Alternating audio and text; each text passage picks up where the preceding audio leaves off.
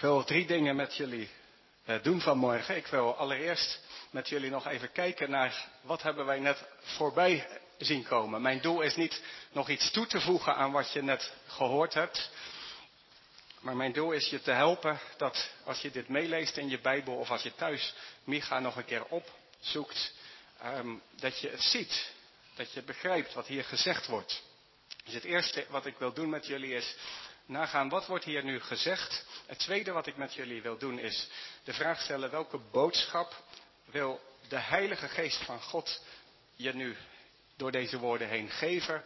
En het derde wat ik met jullie wil doen, dat is kijken naar hoe passen we dat dan toe in de praktijk van ons leven. En eigenlijk is dat wat we gewoon elke keer doen als we hier samenkomen in de kerk. Bidden we dat Gods geest ons helpt.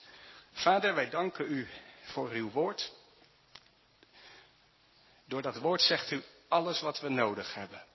Aan, het, het ontbreekt er niet aan in uw woord, maar Heer, het ontbreekt er wel aan bij ons. Om echt goed te kunnen luisteren. Wilt u daarom onze oren openen, zodat door de woorden die wij horen, wij die dingen die we met het gewone oog niet kunnen zien, we mogen zien. Heere, maak ons ziende door uw Heilige Geest. Opdat we ons bekeren, opdat we u vertrouwen, u geloven en vreugde vinden voor onze ziel. Heere, help om het woord zo te spreken en om het woord te horen, dat u daardoor geëerd wordt. Door uw Heilige Geest. Amen. Ja, als thema heb ik deze preek meegegeven, de toekomst onder ogen zien met Micha. In alle tijden zijn we geïnteresseerd in hoe gaat de toekomst eruit zien. Soms is het wel grappig om iets te lezen van zeg 50 jaar of 100 jaar geleden over hoe ze dachten dat het nu uh, zou zijn. Soms is het heel raak en soms denk je ook vanuit het is toch heel anders gegaan.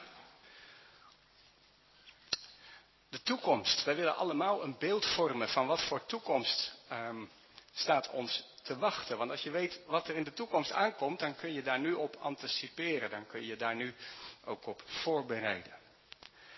Gods woord is ons gegeven, de Bijbel is ons gegeven om een helder beeld te krijgen van de toekomst, van wat voor dingen ons te wachten staan. En vanmorgen zien wij uh, met de hulp van Micha de toekomst onder ogen. Nou, wat ik net al zei is dat Micha profeteert in een tijd dat het helemaal niet verkeerd ging in Israël. Er was welvaart. Er was relatieve rust. Zeker in de verte rommelde het, internationaal gezien. De Assyriërs werden steeds machtiger en er gebeurde van alles en nog wat, maar het leek allemaal toch nog ver weg te zijn. Maar Micha profeteert dat dat wat ver weg lijkt dichterbij gaat komen. In hoofdstuk 1 profeteert hij dat Samaria, de hoofdstad van het noordelijke rijk, um, zal vallen. Israël was in die tijd in twee delen opgedeeld. Zoals Nederland en België vroeger bij elkaar hoorden en nu ook twee landen zijn. Zo had je toen Israël met als hoofdstad Samaria. En je had uh, Juda met als hoofdstad Jeruzalem. Nou, Micha voorzegt, er komen andere tijden aan. Samaria, het welvarende Samaria, zal door de Assyriërs onder de voet gelopen worden. En dat heeft gigantisch veel indruk gemaakt dat in Micha's tijd dat ook gebeurd is. Wat niemand zich had kunnen voorstellen, is gebeurd. Die geweldige stad is gevallen. En Micha voorzegt, daar blijft het niet bij. Ook Jeruzalem, ja, de kernstad van, van Israël, ook Jeruzalem zal vallen. En het is niet zomaar het lot van de geschiedenis dat nu eenmaal soms volken machtig worden en andere volken overroelen. Nee, Micha heeft gezegd, dit is een consequentie, dit is een gevolg van de weg die jullie gekozen hebben. De weg bij de Here vandaan. En daarom horen we in hoofdstuk 3 Micha een appel doen op de leiding van het volk. Luister toch, hoofden van Jacob, leiders van het huis van Israël.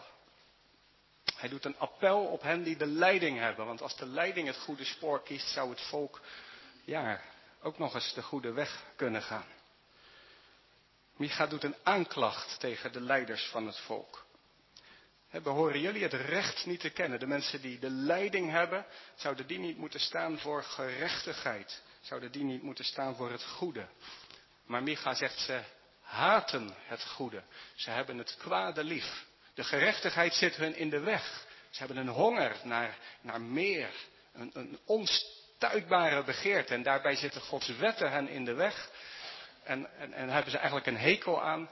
Ze hebben een honger naar, naar geld, naar welvaart, naar goed. Dat is, hun welvaart is hun God geworden.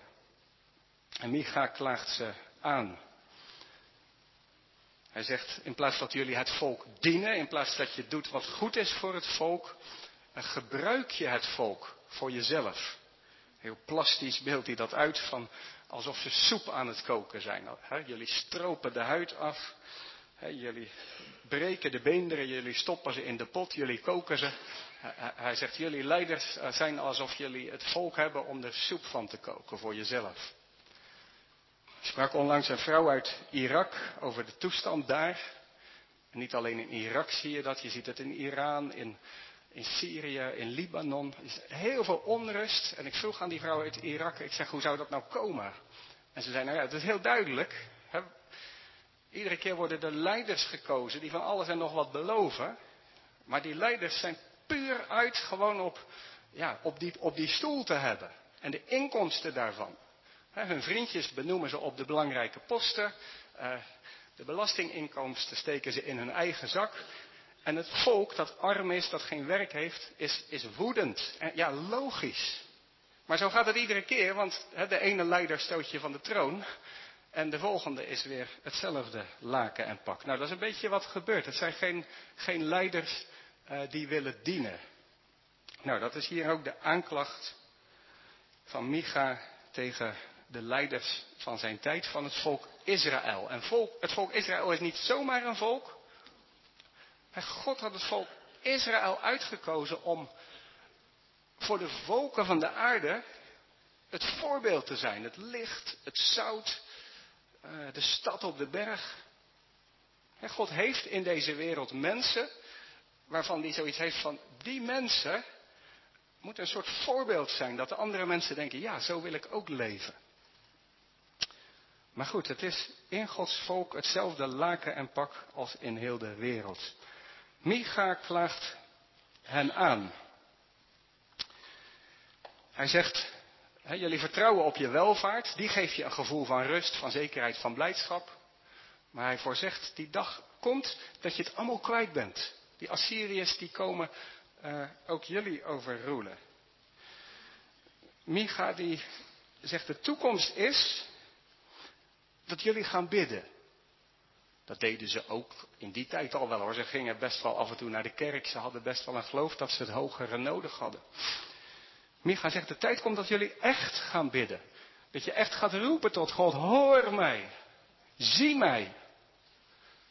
Maar, zegt Micha, vers 4, dan zullen ze tot de Heere roepen, maar hij zal niet antwoorden. Hij zal zijn aangezicht voor hen verbergen. Heb je dat ooit gehoord over God? Wij horen meestal van je moet bidden, want God hoort je. Micha zegt, de tijd komt dat jij bidt en dat God even zijn oren dicht doet. De tijd komt dat jij roept tot God, zie mij toch. En dat God zegt, ik kijk even de andere kant uit. Hoe komt dat? Dat komt, zegt Micha, omdat je nu, op dit moment, terwijl God tot jou roept, terwijl God zijn woorden spreekt tot jou, je oren dicht doet. Terwijl het volk tot je roept, mensen die in nood zitten, die verdrietig zijn, die het moeilijk hebben, die jij zou moeten dienen. Ze roepen, je wil niet horen. Ze zeggen, zie ons toch. Maar je kijkt de andere kant uit. De dag komt, zegt Micha, dat God hetzelfde naar jullie zal doen. Jullie hebben het kwade lief, het kwade zal je overkomen. Dat voorzegt Micha. Klinkt misschien hard, het is wel eerlijk. Na de leiders spreekt Micha de profeten aan, vers 5. Zo zegt de Heer tegen de profeten die mijn volk misleiden, die als ze met hun tanden kunnen bijten, vrede verkondigen. Wie hun echter niets in hun mond geeft, aan hem verklaren ze de oorlog. wat zijn de profeten? We zouden zeggen dat zijn de religieuze leiders. Dat klopt wel. Maar God had profeten ingesteld niet om in een soort gescheiden wereld van de leiders op te treden. Nee, de profeten moesten de leiders, de politieke leiders, en moesten het volk bij de les houden. Ze moesten klokkenluiders zijn. Een beetje zoals ook een journalist de taak heeft. Als leiders iets doen wat niet deugt, wat niet door de beugel kan, wat het daglicht niet kan verdragen, dan moet de journalist proberen juist die dingen bloot te leggen. Dat was de taak van de profeten. Maar wat doen de profeten? De profeten zijn uh, twee handen op één, één buik met de leiders. De, de leiders financieren hen. En in ruil daarvoor zeggen de profeten: Het komt allemaal goed, het zal goed gaan, er komt vrede. Een beetje zoals je in Rusland ziet gebeuren. Poetin heeft weer wat nieuw wapenarsenaal. En de Russisch-orthodoxe priesters mogen het een beetje inzegen en er een liedje voor zingen en mogen zeggen: Je doet het goed. Zoiets. Profeten. Ze zijn niet in staat om een kritisch woord te spreken. Maar wie hun niets in de mond geeft, verklaren ze de oorlog. Als er wel iemand is die een kritisch woord spreekt, nota bene, dan richten die profeten zich tegen hen. Zie je ook op verschillende plekken in de wereld gebeuren. Eritrea, ik noem maar een voorbeeld. Daar heb je de, de orthodoxe kerk. En um, die is ook twee handen op één buik met de regering. Maar er zijn ook mensen die echt Jezus willen volgen, die de Bijbel willen lezen. Nou, uh, die christenen hebben net zoveel last van de kerk als van de overheid. He, die kerk die verklaart de oorlog aan deze mensen. Zoiets. Nou, Micha kaart deze problemen aan van de profeten. Ook hun voorzegt hij een donkere toekomst. Die profeten hebben echt een gevoel dat God heel dicht bij hun is. wij, wij gaan over de woorden van God, zo voelt het voor hen. Ze hebben welvaart en voor hen voelt het van nou, God is dichtbij. Maar, zegt Micha, de tijd komt dat God helemaal niet meer dichtbij gaat voelen voor je. Het gaat donker worden. En ineens ga je je afvragen, hé, ik dacht dat God er was, waar is die nou? De profeten zullen God kwijt zijn. De profeten die Gods woorden niet wilden zeggen, zullen zoeken naar woorden van God, maar God houdt zijn mond. Gods verduistering komt eraan. Ik daarentegen, zegt Micha vers 8, ben vol van de kracht van de geest van de Heere, van recht en heldenmoed om Jacob zijn overtreding te verkondigen en Israël zijn zonde. Micha zegt, ik ben een klokkenluider. Ik moet wat ik zie, wat ik hoor, moet ik wel aan de orde stellen. Ik moet jullie een eerlijke boodschap van God geven. Misschien klinkt het een beetje arrogant in je oren, zo is het denk ik niet bedoeld. Het is meer, hè, zoals Luther op een gegeven moment de waarheid van Gods evangelie ontdekte. En ook al bedreigde uh, de religieuze en de politieke machten Luther hè, van hou je mond, anders kost het je je leven. Uh, Luther zei, hier sta ik, ik kan niet anders, ik moet het wel zeggen. Nou, zo horen we Micha hier spreken. Ik moet wel zeggen, van deze weg komen brokken, van deze weg komt onheil. En dan vanaf vers 9 nog één keer doet Micha een appel. Hoor, hoofden van het huis van Jacob, leiders van het huis van Israël, die een afschuw hebben van recht. En zij verlangen er wel naar dat Israël, dat Sion, dat Jeruzalem bloeit, dat het gebouwd wordt, dat het groter wordt. Let's make Jerusalem great again.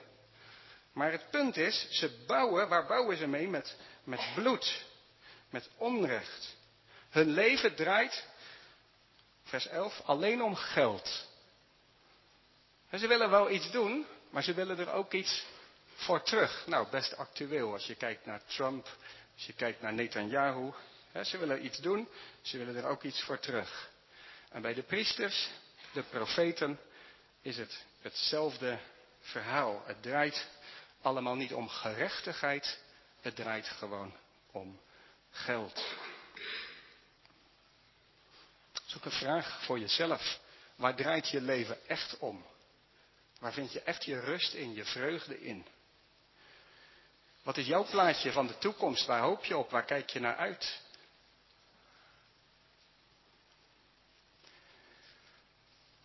Wat opvallend is, is dat Micha zegt, en nog steunen zij op de Heere, vers 11. Ze zeggen, is de Heere niet in ons midden? Ons zal geen kwaad overkomen. Vergis je niet, deze mensen gingen naar de tempel. Zij beschouwden zichzelf, zij beschouwen zichzelf als gelovige mensen. Ze zien wel dat het rommelt in de verte. En zo zien wij ook dat het rommelt. Misschien niet alleen in de politiek, maar ook in je leven. Je krijgt een bericht over je gezondheid. Er valt iemand weg. Je ziet dat het rommelt in je toekomst. Nou, wat doen zij als het rommelt in de toekomst? Ze zeggen, we hebben toch ons geloof? Letterlijk zeggen ze, wij steunen op de Heer. Nou, wat kan daar nou voor verkeerd aan zijn, dat je steunt op de Heer? Ze zeggen, ons zal geen kwaad overkomen. Is de Heer niet in ons midden? We mogen toch op rekenen dat als het gaat rommelen, als de dingen niet meer zo goed gaan als nu, mogen we toch op rekenen dat God ons dan eh, helpt. Daar rekenen ze op. En Micha zegt, je rekent er te vergeefs op. Zeggen, ik vertrouw op God dat alles goed komt, is een halve waarheid.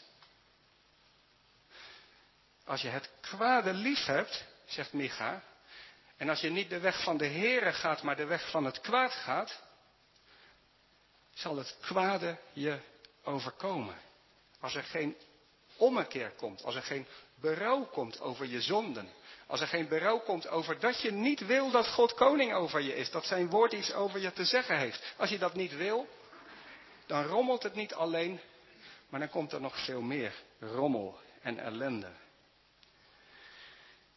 En zo besluit het derde hoofdstuk. Daarom, conclusie, daarom zal omwille van jullie Sion als een akker omgeploegd worden. Sion, waar Jeruzalem is, waar de tempel van God is. Het zal worden geploegd gewoon als een stukje akkerland. En daar zit een stukje ironie in, want in hun hebzucht, hebzucht hadden de stedelingen, hebben we vorige keer gehoord, akker na akker onteigend van de arme mensen, akker na akker geroofd. Micha zegt wat er gaat komen, is dat jullie eigen trosse Babelstad tot een stukje akkerland wordt. Jeruzalem zal een puinhoop worden. Nou, wat dat betekent, dat wisten ze heel goed, want ze hadden Samaria zien vallen. En Micha zegt, dit gaat ook met Jeruzalem gebeuren, een puinhoop. En de berg van dit huis. Hé, hey, wat zegt Micha hier? Hij zegt niet de berg van het huis van de Heer. Nee, hij zegt de berg van dit huis. Van de Heer laat hij weg. De berg van dit huis. Jullie noemen dit het huis van de Heer.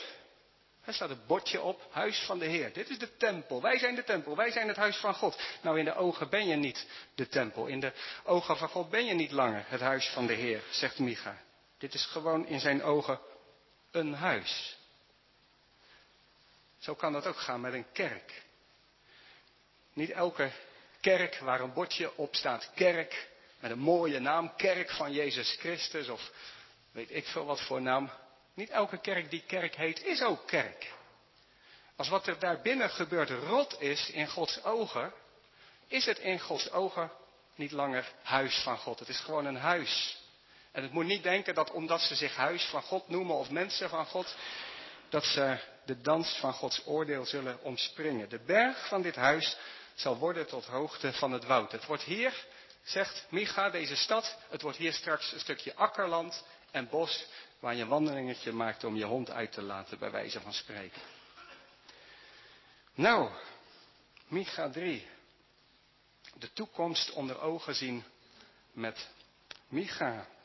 Is dat alles wat Micha te zeggen heeft? Het is een zware boodschap, het is wel een duidelijke en eerlijke boodschap.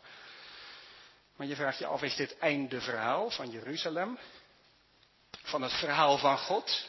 Is het verhaal van God een aflopende zaak? Van ja, er was ooit een tijd dat het allemaal liep, nou loopt het allemaal niet meer zo? Nee. En God had wat beloofd aan Abraham. God had beloofd aan Abraham dat uit hem een volk zou voortkomen, dat een zegen zou hebben voor alle volken. God had wat beloofd aan koning David. Dat er een zoon zou komen van David op de troon van Jeruzalem. En dat hij koning zou zijn tot in eeuwigheid. Zegen voor Israël, zegen voor de volken. Dat had God beloofd. Is het verhaal hier afgelopen? Nee, Micha ziet meer. God zij dank ziet hij meer. Micha 4. In het laatste der dagen, en misschien denkt u dat komt nog, nou, even tussen twee haakjes. Toen het Pinksterfeest aanbrak, zei de apostel Petrus, het laatste der dagen is nu begonnen. In het laatste der dagen, zegt Micha, zal de berg van het huis van de Here, dus het rijk van God, het, het Jeruzalem van God, die berg zal een reizende berg zijn, in contrast met die berg die wegzinkt. Volken zullen er naartoe stromen. En bijzonder, de volken die gaan naar die berg en naar de koning die regeert op die berg, die volken zullen vragen naar het recht van de Heer, naar gerechtigheid. Die zullen vragen naar de zuivere wetten van God. In contrast tot de leiders die van geen recht wilden weten. En die volken, die zullen vrede krijgen. Die zullen, al komen ze uit verschillende culturele achtergronden, ze zullen zich één familie weten. Ze zullen vrede kennen, onder hen zal geen oorlog meer zijn, in contrast met profeten die de oorlog verklaarden aan wie het niet met hun eens waren. En zoals Micha in hoofdstuk 3 zei, ik zal een klokkenluider zijn. Ik zal de problemen aan de orde stellen. Zo horen wij in hoofdstuk 4, vers 5.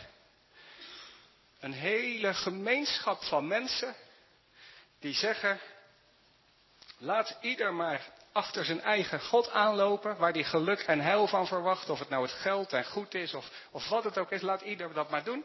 Maar wij, wat er ook gebeurt, wij zullen op weg gaan in de naam van de Heer onze God voor eeuwig en altijd. Wij zullen pelgrims zijn op weg naar het nieuwe Jeruzalem en niemand zal ons daarvan afbrengen. En in contrast met de leiders die de andere mensen nodig hadden, die, eh, die hun botten braken om de soep van te koken, bij wijze van spreken, die totaal geen oog hadden voor de ellende van het volk, in contrast met die leiders, voorzegt Micha dat er een koning zal zijn op Sion, die zich ontfermt over wie mank gaat, wie ver van huis geraakt is, wie weet dat hij het verkeerd gedaan heeft en ook zucht onder de gevolgen. Er komt een koning die zich ontfermt. Er komt een koning die hen dient. In plaats van de huidige leiders die de boel uitbuiten. Micha voorziet een stad met een koning die gebouwd wordt.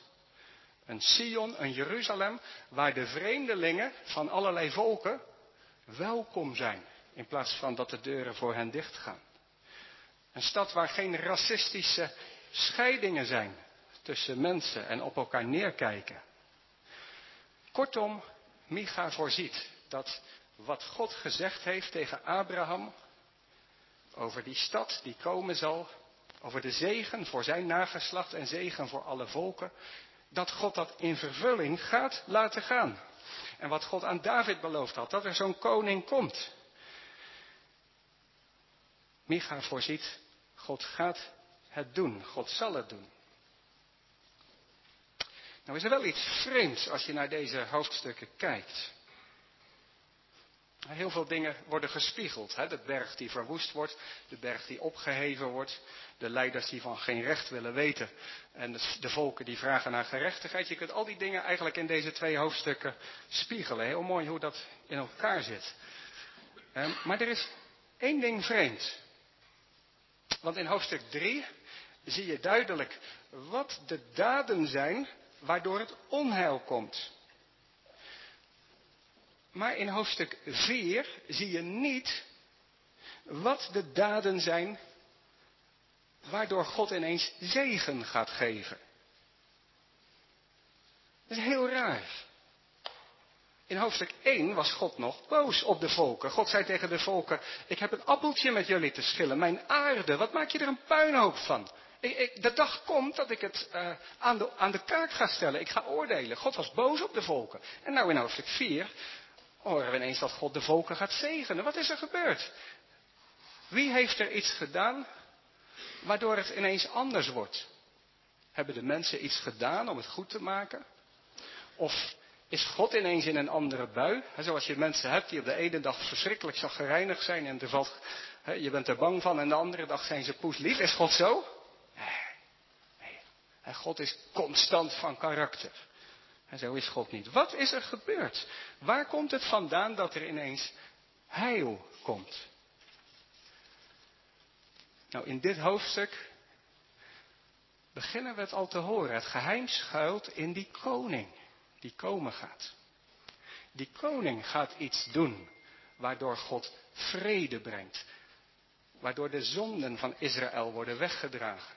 Waardoor de zonden van de volken worden verzoend. Waardoor mensen weer op het rechte spoor komen.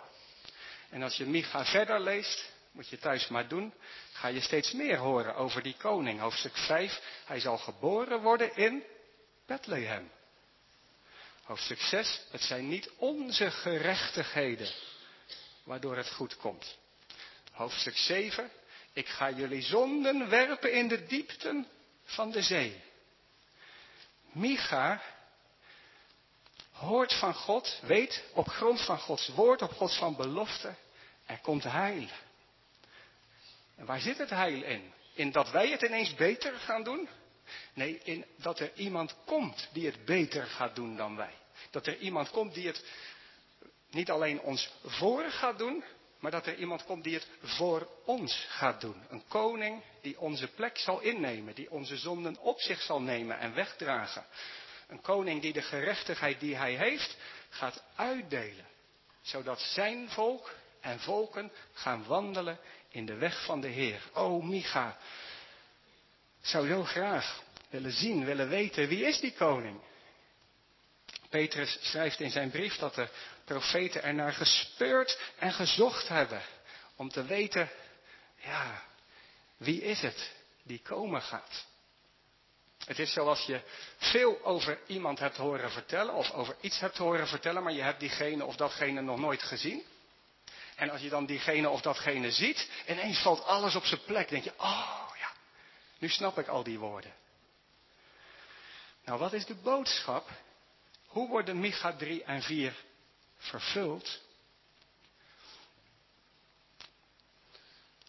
Toen Petrus op de Pinksterdag zijn preek hield voor mensen uit allerlei volken, en de mensen zich afvroegen, wat is er aan de hand? Wat brengt jullie hier samen? Wat maakt jullie zo blij? Toen verkondigde Petrus, op Sion regeert een koning. En wij hebben hem gezien. Hij is geboren in Bethlehem. Zijn naam is Jezus. Een koning die zich ontfermt over het zwakke, over het arme, over het verdrietige. Een koning die dient, die onze zonden op zich nam. Hij is gestorven aan het kruis. God heeft hem opgewekt uit de dood. God heeft hem koning gemaakt over, op Sion. Het nieuwe Jeruzalem, daar zit hij nu. Niet een soort schim, een soort geest, maar een concrete, fysieke, levende koning over alle koningen. Vergis je niet, hij is koning. Niet in een ander soort werkelijkheid, niet ooit misschien in een verre toekomst. Nu is hij koning en God heeft hem aangewezen als de koning. En God bouwt zijn rijk. God bouwt zijn tempel. Niet met hout en steen, maar bouwt zijn tempel met mensen. Mensen uit allerlei volken voegt hij samen tot een plek waarin God woont door zijn geest. En wie buigen voor deze koning, wie hun verzet tegen God opgeven, wie het geschenk dat God in hem gegeven heeft aanvaardt, ontvangt vrede met God, ontvangt vrede in zijn hart, ontvangt vrede met zijn broeders en zusters. Word deel van een rijk dat eeuwig stand houdt. Zie je het? Ga je ogen open? Het is iets wat nu gebeurt. En waarvan jij deel kunt worden. Kom, ga met ons en doe als wij. Er is een grote beweging, een grote stoet aan de gang in deze wereld van mensen die weten dat het ergste wat je je maar kunt indenken, de dood, het oordeel van God, het is overwonnen door Jezus. En God wil dat jij zijn geschenk aanneemt. Dat je vrede ontvangt in je hart. Dat je eeuwig leven ontvangt. Dat je deel wordt van zijn wereldwijde koninkrijk. Micha nodigt ons uit om de toekomst onder ogen te zien.